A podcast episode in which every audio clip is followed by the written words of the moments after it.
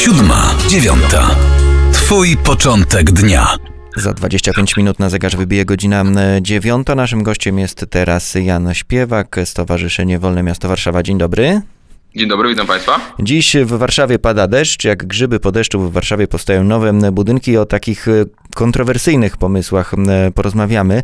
Było ich kilka w ostatnim czasie. Między innymi w Warszawie przy ulicy Dzielnej miał powstać budynek, który zasłoniłby e, balkony, okna już istniejącego budynku. Miał powstać w odległości 4 metrów od niego. Później też niedaleko od tego miejsca, bodajże przy ulicy Ogrodowej, pojawił się budynek, do którego dostęp przebiegałby przez podwórko innej posesji skąd pomysły na takie realizacje? Nie mówię tutaj o deweloperach, bo tutaj jakby wiadomo, że też chodzi głównie o chęć zysku i budowanie gdzie się da, ale kto w ogóle, jak, jak się dzieje to, że takie projekty są gdzieś tam dopuszczane do takiego zaawansowanego etapu?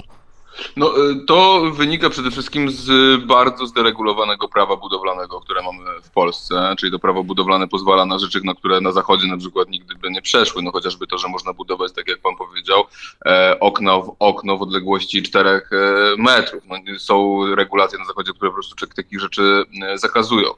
To również wynika z regulacji dotyczących naświetlenia budynków.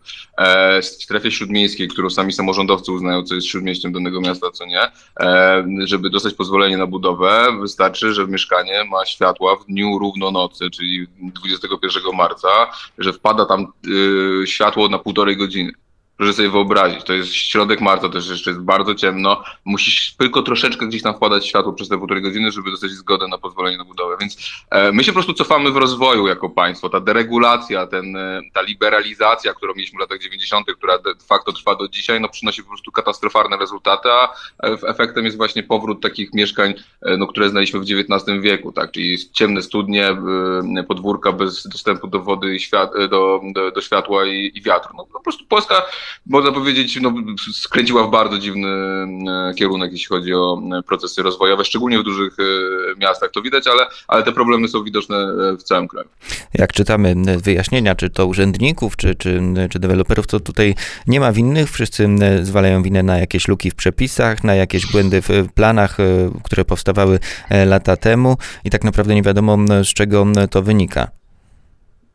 No wiadomo, z czego to wynika. No wynika to z jednej strony, tak jak powiedziałem, no, ze skrajnie liberalnego prawa w Polsce, braku regulacji, korupcji oczywiście też to wynika, no bo mówmy się, że e, te dziwne pozwolenia na budowę, które powstają, często, które są wydawane, no one są, jak wiemy dobrze, że są wydawane za łapówki, tak? No mamy, e, nie mamy w Polsce, mamy w Polsce z jednej strony E, e, brak planowania przestrzennego, czyli mamy praktycznie zderegulowane cał, całkowicie planowanie przestrzenne. Zlikwidowano na początku XXI wieku, zlikwidowano jednym, jednym zamachnięciem e, pióra wszystkie plany, które obowiązywały w PRL-u.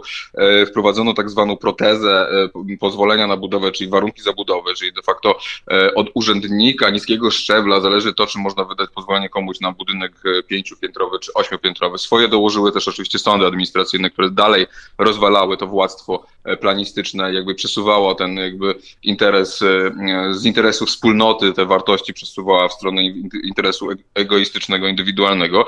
No i mamy to, co mamy, no, że kult, e, kult indywidualizmu, kult egoizmu, kult świętej własności prywatnej, korupcja, deregulacja, no prowadzi do tego, co, czego prowadzi, czyli do absolutnego chaosu przestrzennego, do powstawania tego typu koszmarków. No to jest obraz zapaści czy kryzysu, bardzo poważnego kryzysu państwa wywołanego, no właśnie tak jak mówię, takim skrajnym indywidualizmem podszytym tym polskim dzikim kapitalizmem.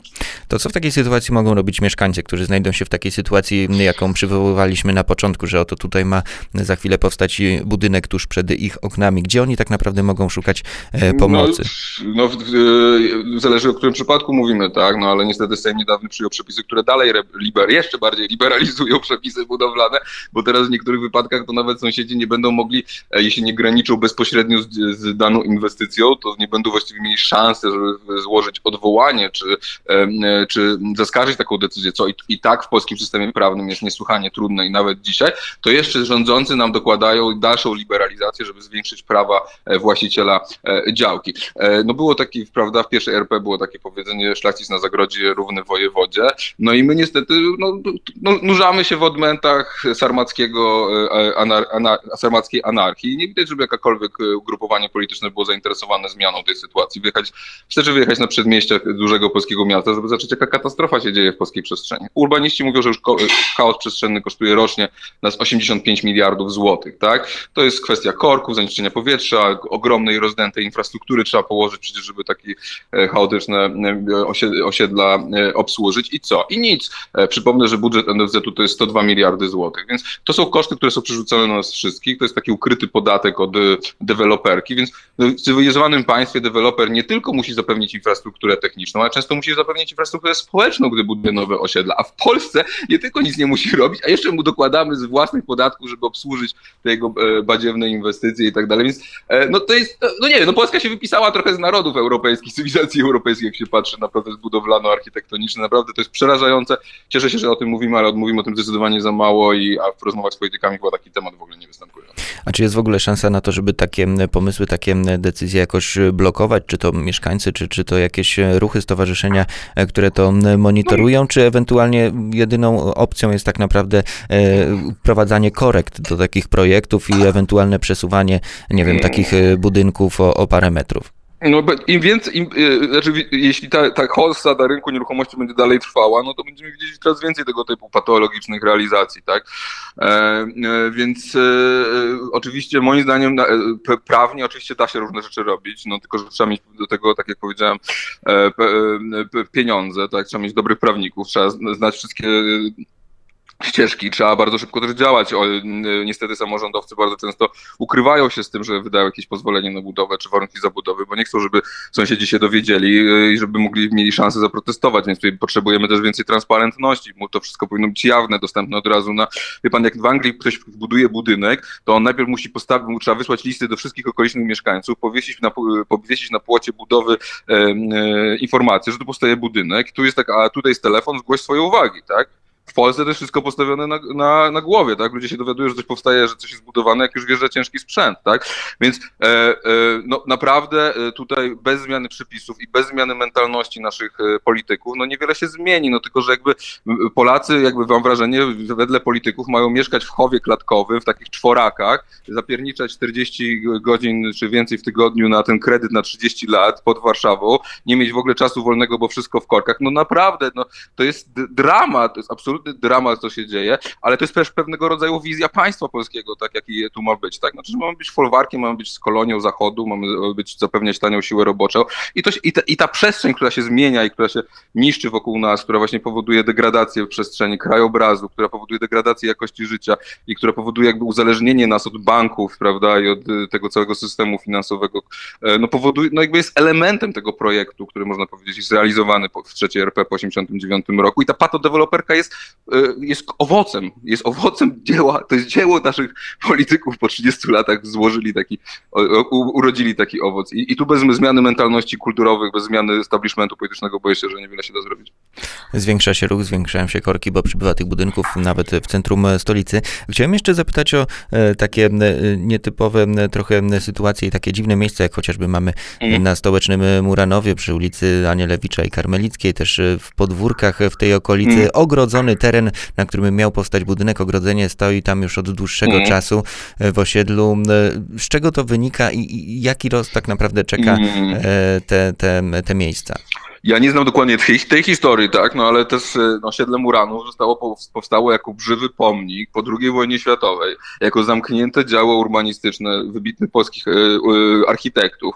E, I to, że on jest dzisiaj, że tego typu zamknięte osiedla, nie tylko na Muranów, ale PRL-u, że widzimy dogęszczanie tych już zamkniętych założeń urbanistycznych, że się buduje, że się grodzi te rzeczy, że się niszczy te założenia, no to to jest coś, co naprawdę no, jest dla mnie wstrząsające, nigdy nie powinno mieć miejsca miejsca.